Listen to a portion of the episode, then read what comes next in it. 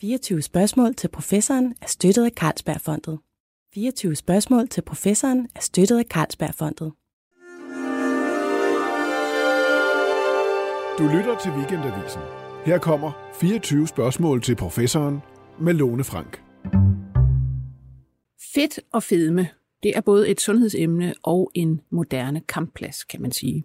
Og for nylig så vi det med sagen om Jakob Martin Strids børnebog om tapiren, som de andre dyr mener er for fed. Den her bog, den forarvede både anmeldere og dem, man kalder tykaktivister, som mener, at bogen den legitimerer mobning af tykke børn. Vi skal tale om overvægt i dag, og det skal vi med en gæst, som peger på, at vi i sundhedsmæssig sammenhæng faktisk er nødt til at tale om fedtet på en ny måde. Især fordi vi realistisk set nok ikke kommer af med det. Velkommen til dig, Rasmus Køster Rasmussen. Tak. Du er postdoc ved Forskningsenheden for Almen Praksis ved Københavns Universitet, og du forsker lige nu i overvægt. Øhm, du var egentlig overhovedet ikke interesseret i overvægt, så hvordan kom du til at beskæftige dig med det? Hmm. Ja, det var faktisk et tilfælde. Det var, øhm, jeg, jeg søgte en stilling som øh, forskningsassistent der på Forskningsenheden for Almen Praksis for øh, 12 år siden, og øh, skulle lave et øh, studie på øh, nogle data fra Ørum i Jylland, mm. som en praktiserende læge øh, havde samlet ind. Og Øh, og det var meningen egentlig, at vi skulle kigge på, om folk fik hjertekarsygdom og så videre, men der var for få og for kort opfølgning, øh, så der var for få med i studiet til, at de rigtig havde fået nok sygdomme over i Ørum. Øh, og så måtte vi kigge på, hvad var der ellers af ting, vi kunne måle på, og der var alle blevet målt, havde fået målt en vægt, ved, da de studiet startede, og igen efter 10 år. Så derfor så kom min PhD til at handle om vægtændringer. Så det var egentlig en, en, fuldstændig, en fuldstændig tilfældighed. Men du har så også, fordi du netop er interesseret i almen praksis, været inde i mange specialer, altså fra psykiatri til, til alt muligt andet. Og som du øh, sagde til mig her den anden dag, det her med overvægt, det, det viser sig jo alle steder. Det er faktisk en faktor i alle de her specialer. Ja, man kan sige, at jeg er jo i gang med at specialisere mig til at blive øh, ja, speciallæge i almen medicin for at kunne blive praktiserende læge.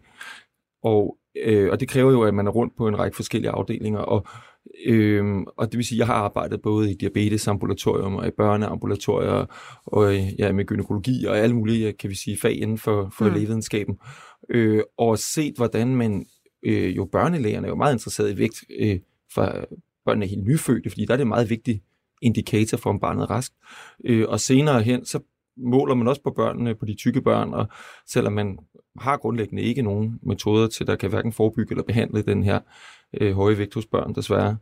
Øhm, og det samme hos de gravide, så kigger man på, uha, de må ikke være for tykke, når de bliver gravide, fordi øh, så øh, kan det måske medføre en række komplikationer i, i graviditeten, men, men i realiteten har man heller ikke nogen rigtig gode metoder. Man ved faktisk ikke rigtigt, hvad man gør, når man sætter de øh, tykke gravide til at, at, tabe sig. Ja. Øh, og i, ja. Så jeg har set det rundt for alle mulige steder, og selvfølgelig har diabeteslægerne også deres agenda med.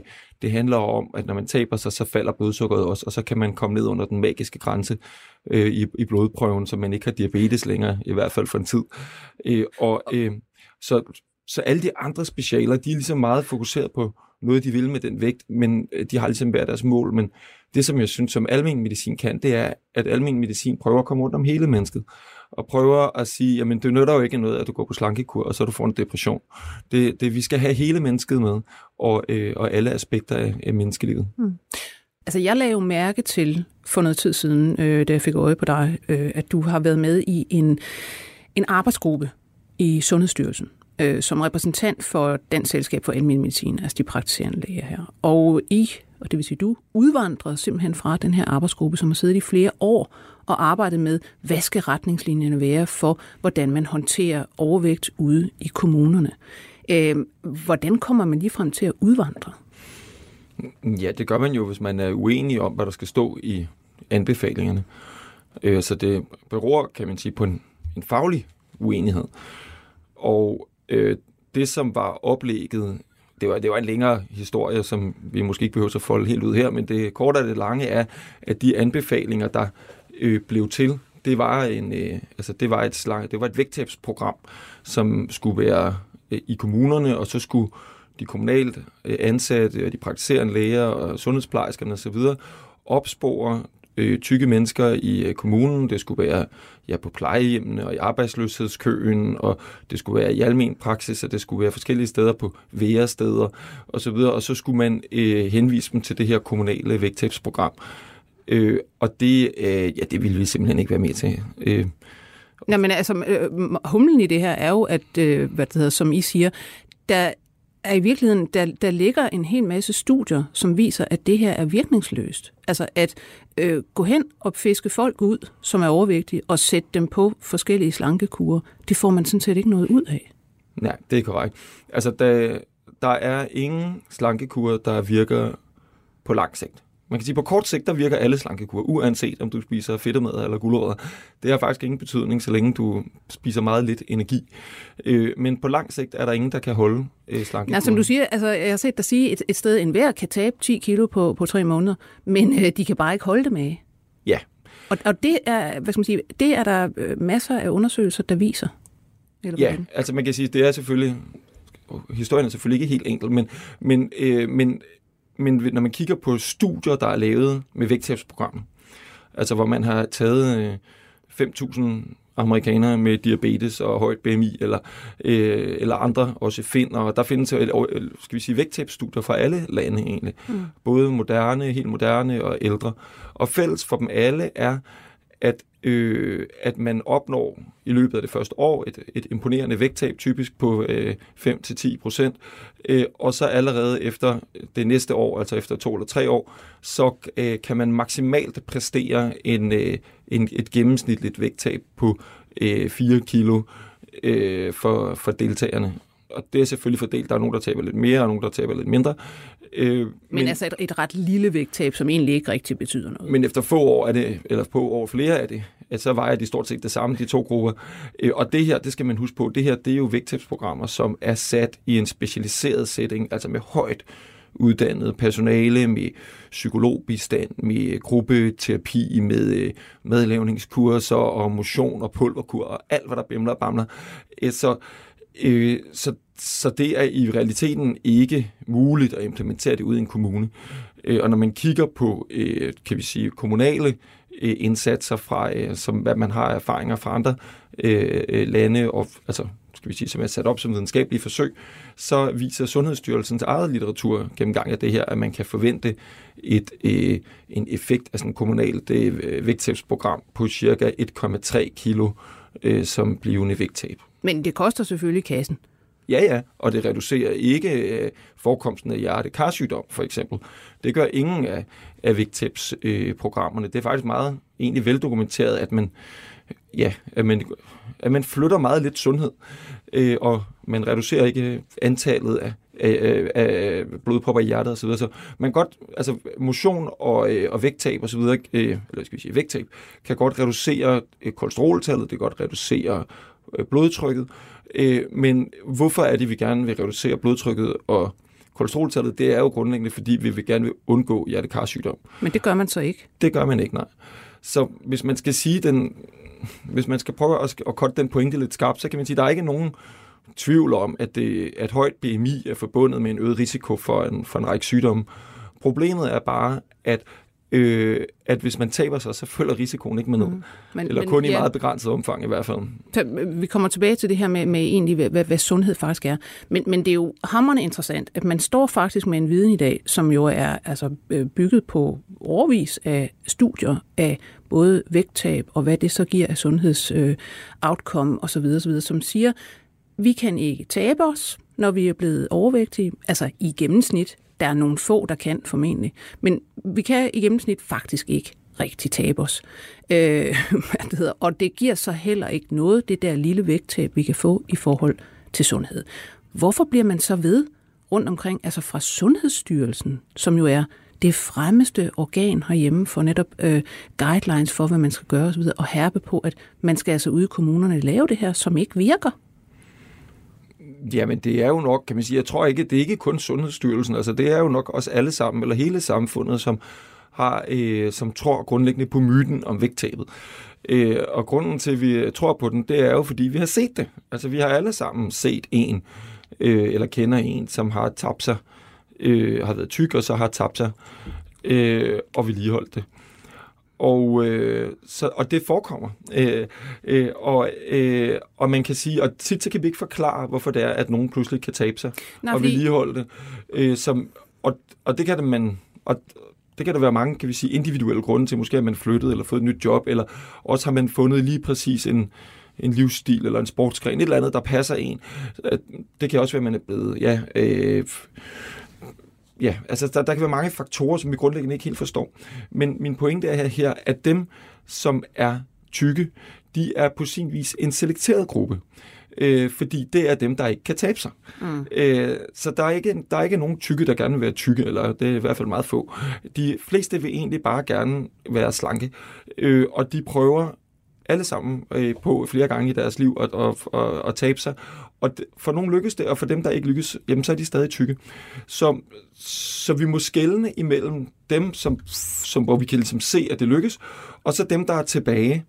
Øh, og der er en stor forskel på at opspore folk og sige, du har et problem, og nu skal du på kommunalt øh, slankekur. Altså, det virker ikke. Grundlæggende det der med at opspore folk, og, øh, og hvor det ikke er folk selv, der melder sig til noget, det, det er rigtig dårlige odds som udgangspunkt. Men så synes jeg, vi skal tale lidt om det her med øh, sundhedstilstanden. Fordi det er jo det, der sådan i udgangspunktet også er det, vi diskuterer. Ikke?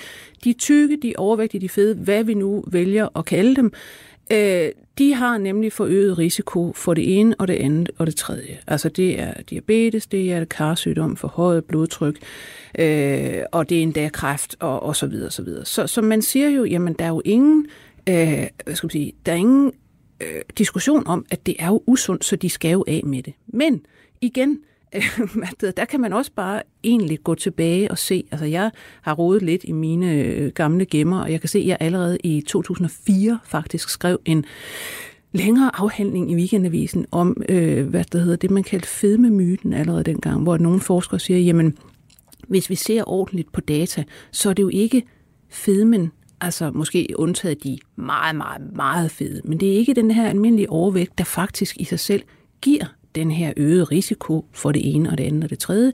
Det er i højere grad, at de her mennesker ikke rører sig, for eksempel. Så hvis man, hvis man tager de her overvægtige mennesker, får dem til at røre sig, får dem til at spise sundt, så er det sådan set lige meget, om de beholder deres vægt, men de bliver faktisk sundere af selve det at røre sig, at spise sundere.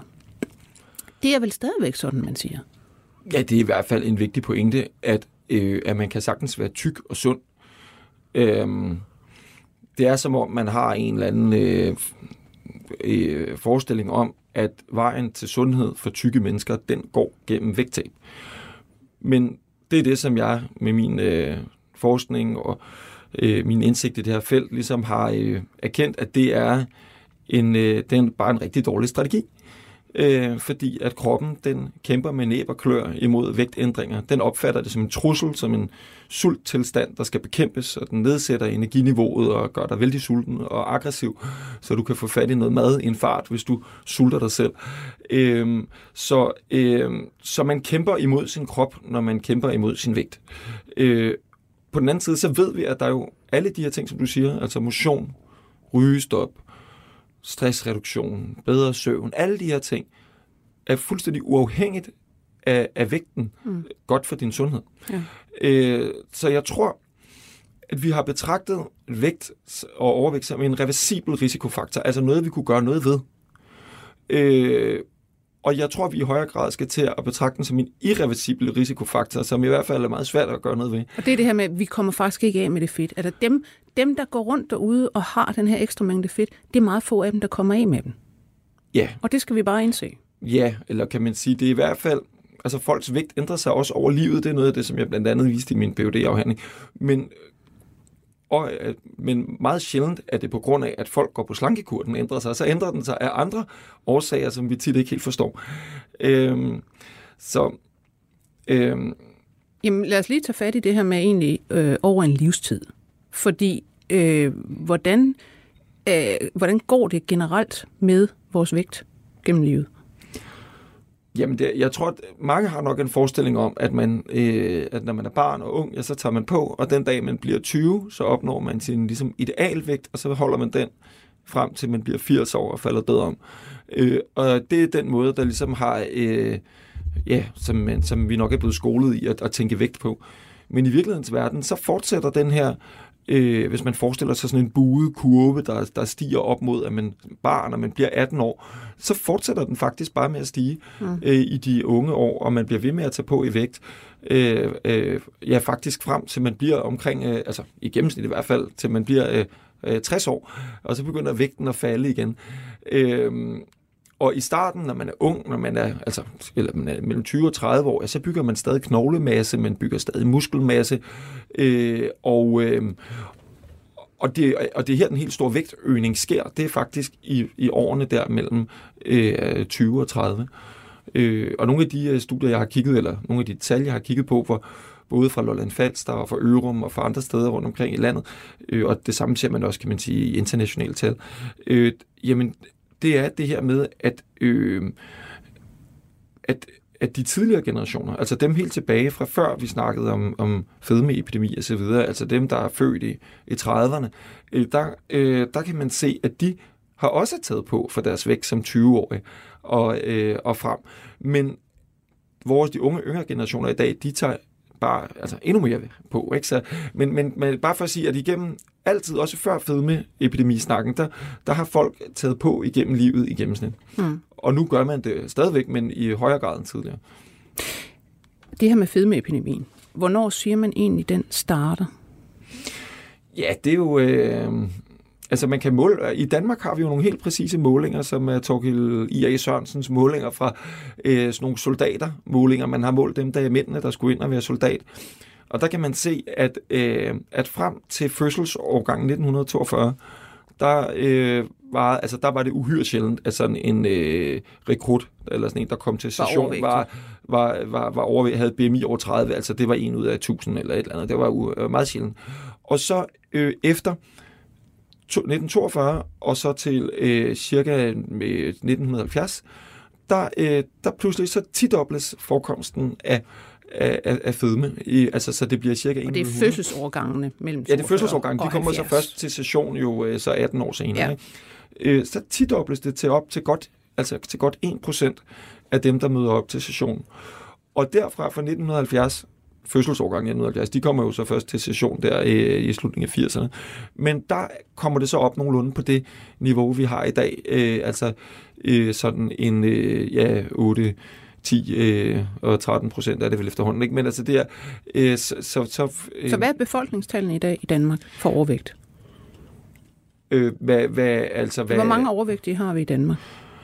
Ja, altså vi definerer jo overvægt ud fra BMI øh, over 25 øh, hvilket øh, er, kan man sige, a contradiction in terms, fordi der er et flertal, som har et BMI over 25, så det er faktisk unormalt at være normalvægtig.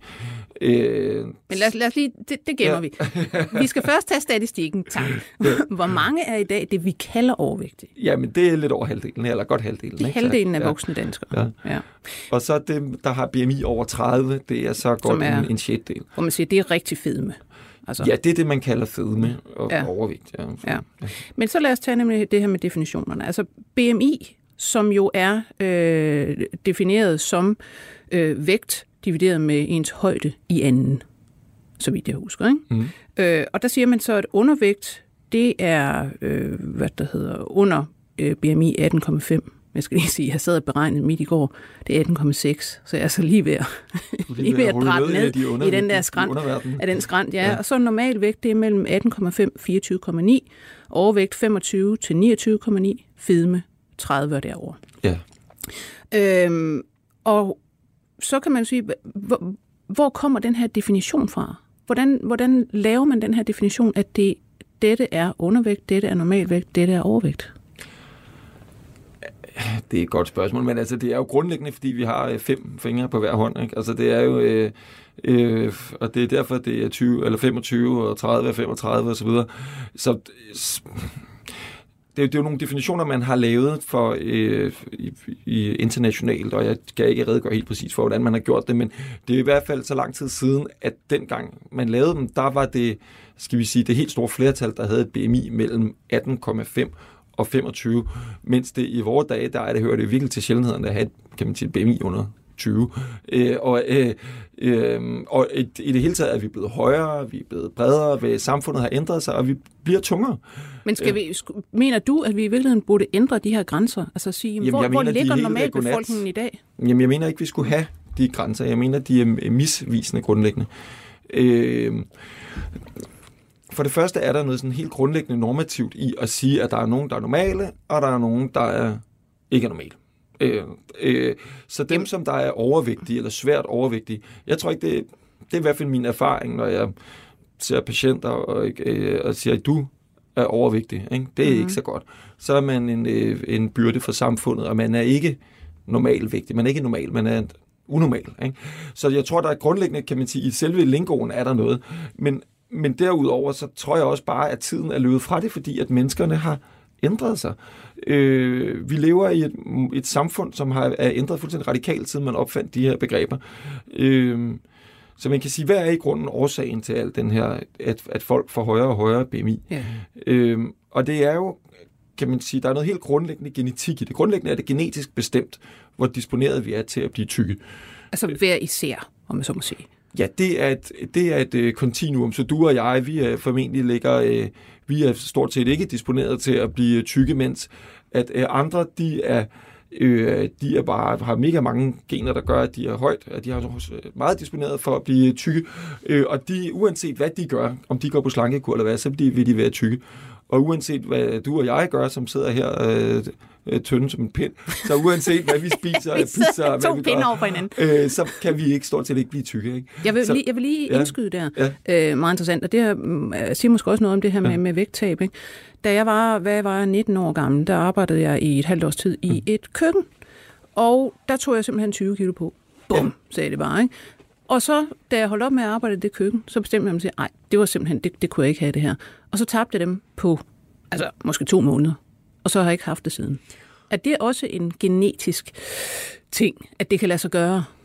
Det tør jeg ikke sige, men det er, det er jo i hvert fald, kan man sige, en meget typisk historie, at mm. din livssituation forandrer sig. Ja. Og så er det også meget typisk, at du er så ung, fordi det der, man ofte ser de der meget store stigninger og fald, altså man hurtigt kan ændre sin vægt.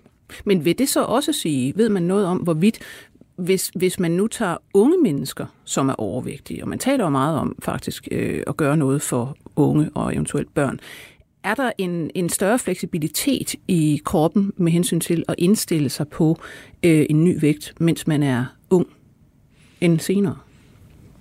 Altså, det er der desværre ikke rigtig noget, der tyder på. Altså, det, der, mm. Vi må bare konstatere, at alle programmer til forebyggelse og behandling af overvægt, det vil sige vægttab, øh, de har ingen eller meget, meget, meget lille virkning. Og det gælder både for børn og voksne. Vi har simpelthen ingen værktøjer, der virker.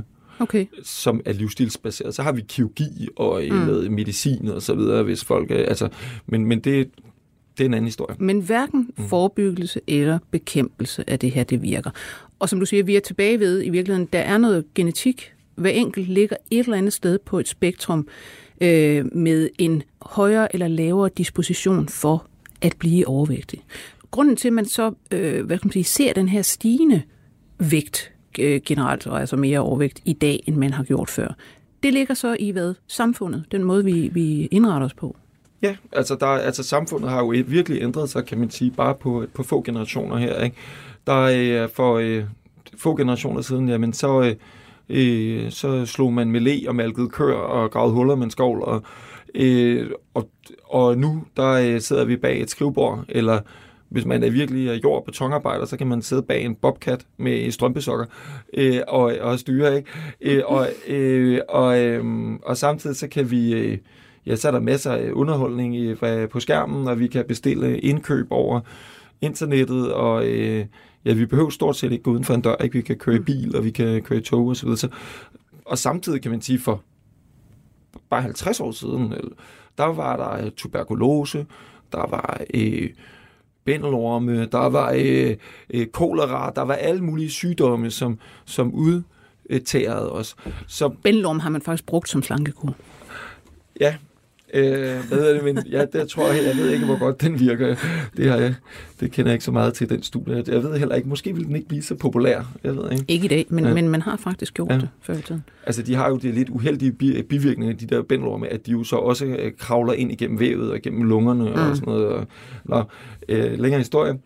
Øh, men det korte og det lange er vel, at samfundet Øh, altså generne er de samme, de har ikke ja. ændret sig. Men samfundet har ændret sig hen et sted, hvor øh, hvor det er jo det moderne samfunds triumf, at vi kan bestille øh, hvad hedder det, indkøb på øh, altså, Der er rigelig mad, og, let tilgængelig, og der og er... Maden smager godt, den er aldrig fordærvet, den er nærende og god. Og, og, og, vi, behøver, og vi behøver ikke røre os. Ja, så på en måde kan man sige, at, at, at, at, at fedmeepidemien, eller at folk får så højt BMI, det er resultatet af det moderne samfunds triumf. Hmm.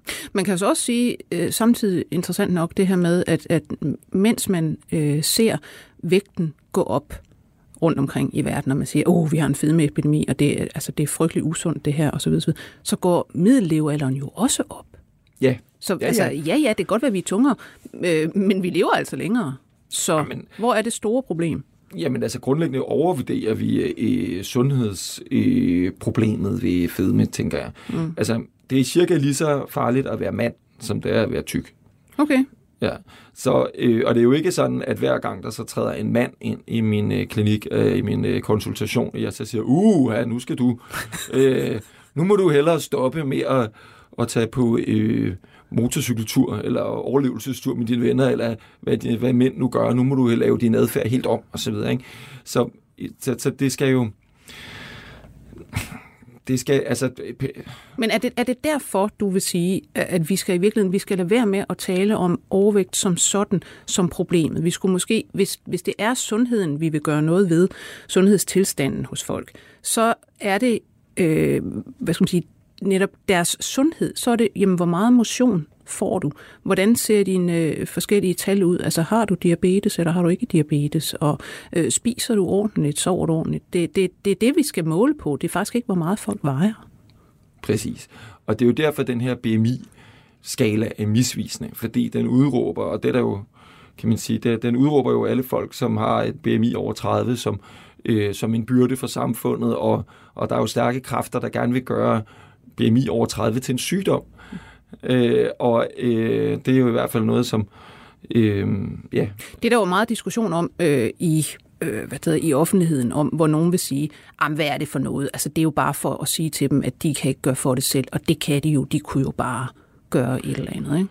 Ja, der er mit take nok på det noget lidt andet, kan man sige. Nogle af dem, som der argumenterer for at gøre fedme til en sygdom, er for eksempel øh, øh, ja, dem, der hedder Overvægtsalliancen, som er en samling af medicinske eksperter og organisationer, mm. øh, som øh, mener, at man skal, ja, de går meget, altså de går, de, de, de, de kæmper for antistigmatisering øh, og samtidig for vægttab-programmer. Øh, og Man kan lad os sige, lige de to fat, clasher vel egentlig lidt. Ja, altså lad os lige prøve at tage fat i stigma, for hvad er det? Øh, og øh, WHO kom med en rapport her for, øh, for nogle år siden, øh, som, øh, som påpegede, at stigmatisering af, af folk med høj vægt, altså det med, at man... Øh, Øh, man ser skævt til dem, men ja, man, man skævt til dem, både når de måde. køber ind i supermarkedet og kigger, uh, her har de der to colaer i indkøbsposen, eller sidder de og spiser en burger, eller også at man øh, taler nedværdigende til dem i sundhedsvæsenet og siger, at det er også deres egen skyld. Og alt det her øh, stigmatisering af, af tykke, det er en reel øh, det er et reelt sundhedsproblem. Altså det er at øge risikoen for depression, for selvmordsforsøg, for øh, spiseforstyrrelser og for dårlig selvværd, og det øger simpelthen også risikoen for vægtøgning. Øh, så, øh, og, så, så der er ingen tvivl om, at den stigma, altså den mobning der, mm. og udskamning, der, der foregår, og øh, altså på mystisk vis jo nærmest er tilladt her i vores moderne verden, det, det er simpelthen sundhedsskadeligt. Øh, Men når du siger, altså der kunne man jo også godt tage fat i, altså for eksempel øh, jeg vil sige umiddelbart, når jeg hører, at Jakob Martin Strid kan ikke skrive en ellers udmærket og meget morsom øh, børnebog, som faktisk tager fat i, hvordan børn i virkeligheden er og behandler hinanden osv. osv. Øh, han kan ikke skrive en børnebog, hvor det handler om en tyk tapir. Øh, og, og, og, og, og hele det her med, hvordan altså, der er tyk aktivister, som du ved, føler sig udskammet alle mulige steder. H- hvad er det, vi skal gribe fat i? Altså, øh, Altså, jeg tænker, det er jo politik, og jeg er ikke... Jeg, er ikke, øh, jeg hopper ikke på den der vogn med, med at skulle være politi over, hvad man må trykke og hvad man ikke må trykke, og om man laver en bog, børnebog. Jeg har ikke læst børnebogen, så jeg kan ikke på den måde udtale mig så konkret om den. Men, men mig, jeg er jo læge, og jeg ser mm. det jo fra sundhedsvæsenets side, eller hvad jeg forholder mig til, hvad er det, der er rationelt for os som sundhedsvæsen at råde folk til men, der, men er det ikke netop, hvad skal man sige, hvis vi kan sige, at det er rationelt at sige til tykke mennesker, ved du hvad, lad være med at prøve en mulig slankekur, du kommer ikke af med det men, men lev sundt. Det er den måde, du får for eksempel din risiko for diabetes, hjertekarsdøm og sådan noget ned. Så, så hvis man udbreder det budskab, at det netop faktisk ikke er overvægten, men sundhedsgraden af den måde, du lever på, så er det vel i sig selv med til forhåbentlig at, at fjerne det her stigma. Altså det her med, at man tror, at man kan forbyde alle mennesker at sige et eller andet bestemt, altså bruge et bestemt udtryk, eller hvad det nu kan være, den, den tror jeg simpelthen ikke på øh, virker. Nej. Nej, men altså, skal vi sige, første del af det, du siger, er jeg, er jeg jo helt enig i. Det er jo lige øh, min, øh, en af mine helt grundlæggende pointer, ikke? fordi man kan sige, mit, mit grundlæggende forskningsspørgsmål i al den tid, jeg har forsket i det her, det er jo, at vi ved godt, at, at, øh, at, at høj vægt osv. er en risikofaktor for en række sygdomme, men hvad skal vi gøre ved det? Mm. Øh, og det, vi skal gøre ved det, det er jo præcis som du siger, man kan opnå sundhed på alle mulige andre måder end vægttab ved at, og øh, det du nævner her med, med, med sin adfærd. Øh, om det bekæmper stigma, det ved jeg ikke. Jeg tror, jeg er ikke sikker på, hvor, hvor det stikker henne. Ikke? Altså, der er, jeg tænker, der er flere ting i det.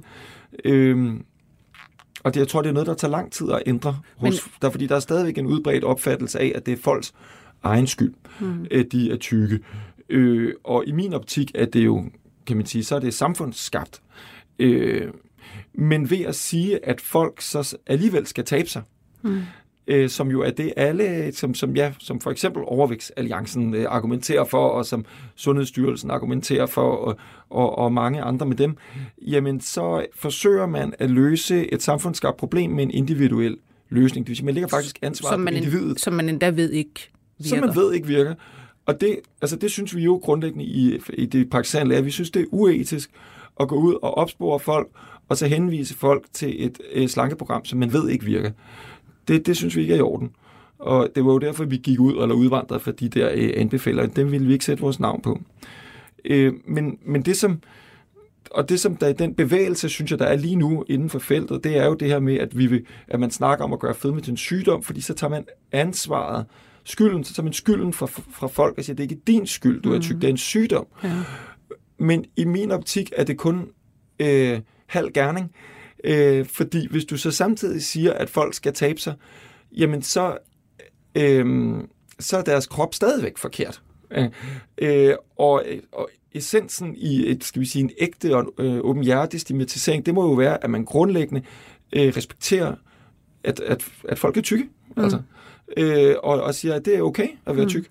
Øh, og, øh, og så langt er man altså ikke nået i den her bevægelse endnu. Men man kan så sige, øh, igen med det her med stigmatisering og hvad man må sige og ikke må sige osv., hvis, det, hvis man antager, og hvis de hvad det hedder, overvægtige også begynder at sige til sig selv, jamen, det er sådan set, altså, det er okay det her, jamen så, så bør det også være ligegyldigt, at man, om man så må sige, kan møde ordet tyk eller fed eller overvægtig, eller hvad det nu er.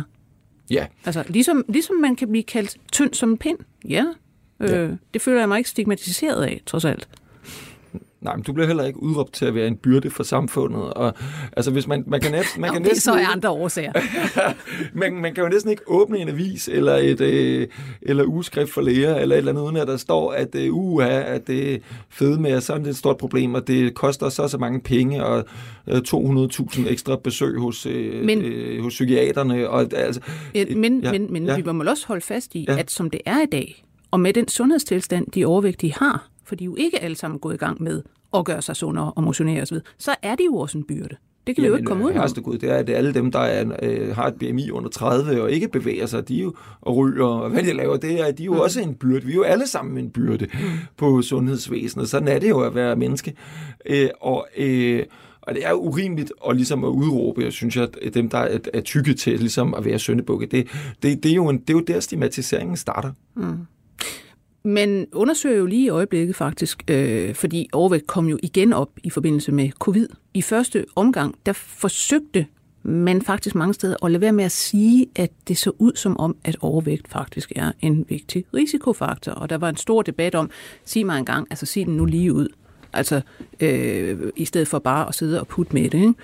Ikke? Øh, men nu er der så faktisk en, øh, en dansk gruppe, der vil undersøge, om det egentlig overhovedet er overvægten, igen, som er risikofaktoren i, i forbindelse med covid, eller det egentlig er de der underliggende sygdomme, som nogle overvægtige har.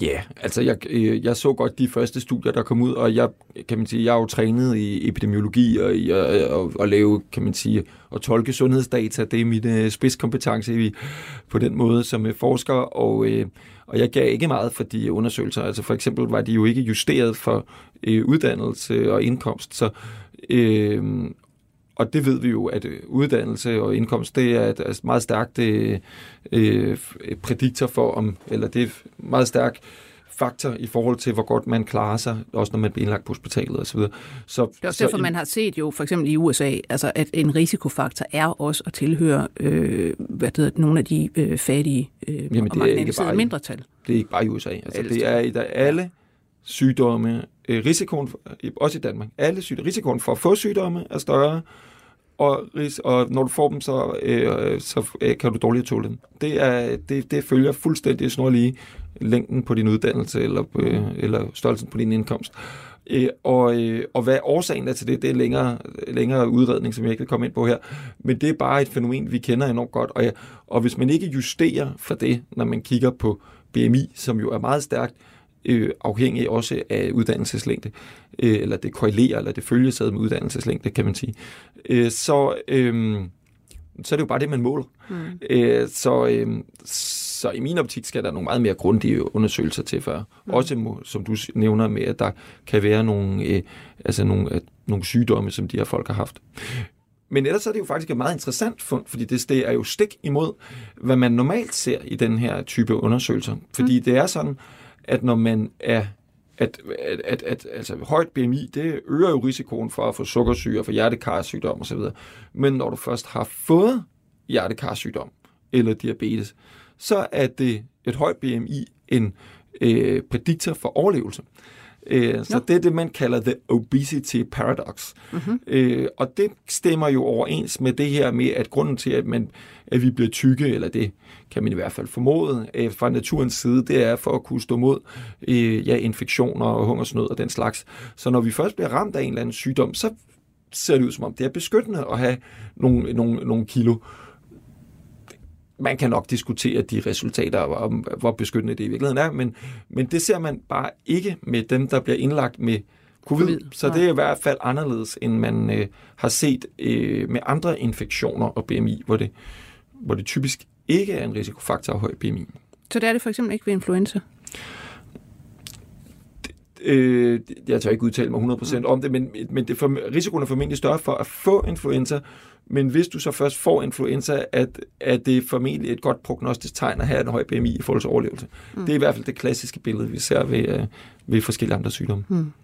Med hensyn til, til din egen forskning, så skal du jo øh, i gang med et større, eller er i gang med et større forskningsprojekt, som handler om lige præcis det her med øh, at hvad det hedder, jage nogle af de overvægtige ud og lave noget, uden at de behøver at tabe sig.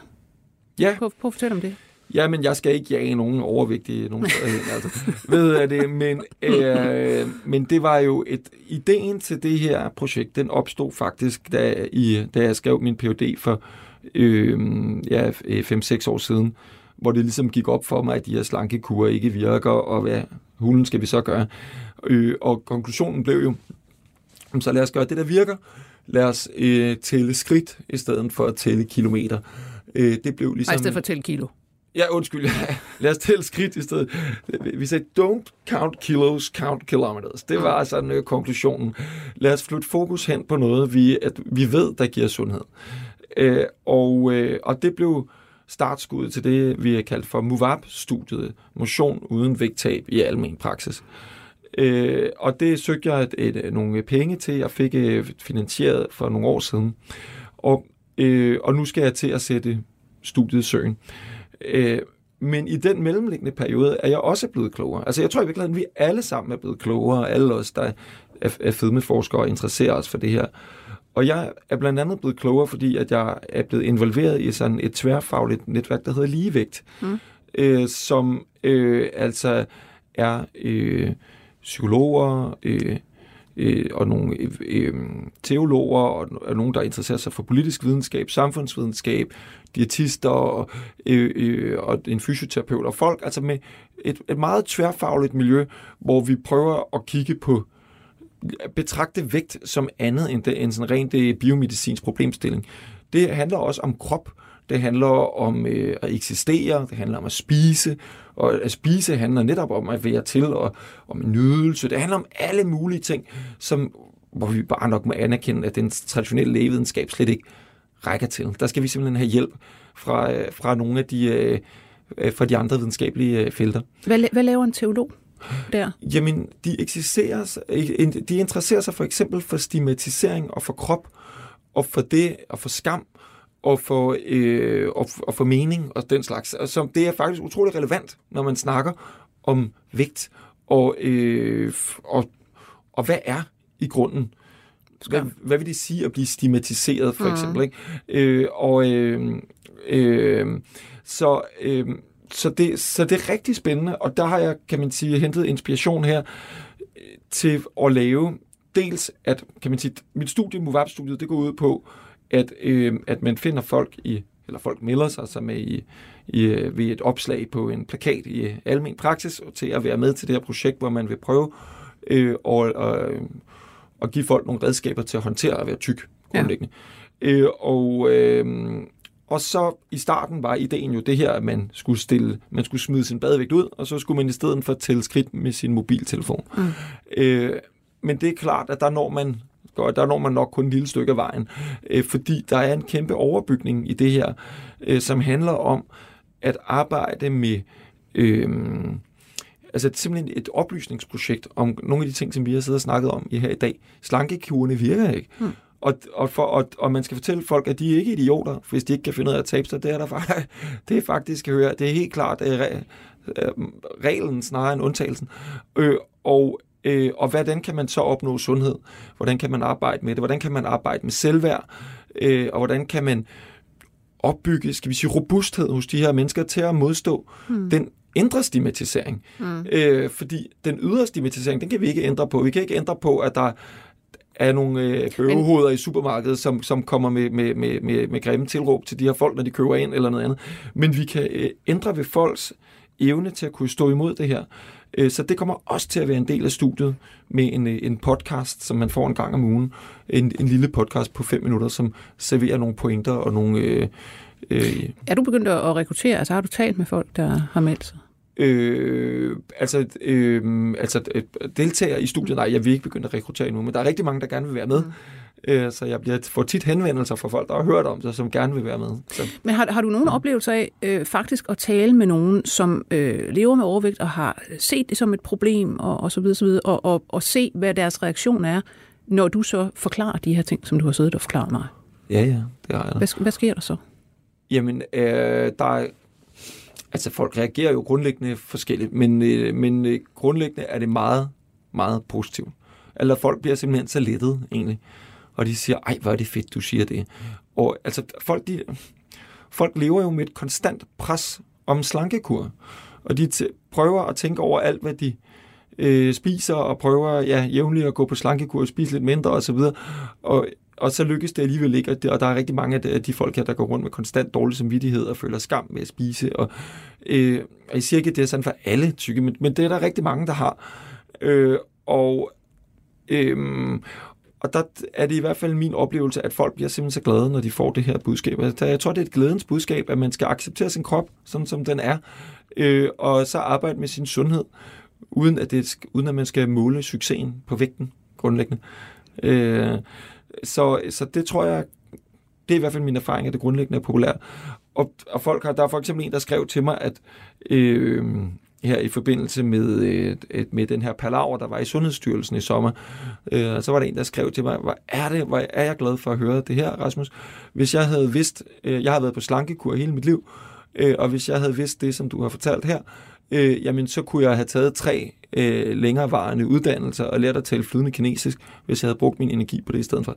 Og, øh, og det synes jeg bare var så sød en historie, fordi det siger noget om, at det er noget, der fylder utrolig meget for utrolig mange mennesker, og noget, rigtig mange bruger rigtig meget energi på. Øhm, og hele det her forhold til mad, hvor man går rundt og føler skam og tæller, altså ligesom har et meget kontrolleret forhold til sin spisning, tror jeg grundlæggende ødelægger også den naturlige, øh, eller skal vi sige, ja, den naturlige følelse af, af, af, af sult og af mæthed og så videre. Så, øh, så jeg synes rigtig meget taler for, at man skal have et mere intuitivt forhold til spisning, hvor man ja, mm. spiser, når man er sulten, og stopper, når man er mæt, mm. øh, i stedet for, at der skal være alle mulige regler. Øh, og, øh, og det tror jeg bare generelt er noget, der vil kunne gøre folks liv enklere og, og gøre det mindre plagsomt at være, øh, at være tyk. Ja. Jamen, øh, det håber jeg, at man kommer igennem med, fordi der er jo sådan set rigtig stor fornuft bag, som vi også har hørt her. Tusind tak, Rasmus Køster Rasmussen, fordi du kom i dag. Og du er jo som sagt postdoc ved Forskningsenheden for Almen Praksis ved Københavns Universitet, og altså forsker i vægt, kan vi sige.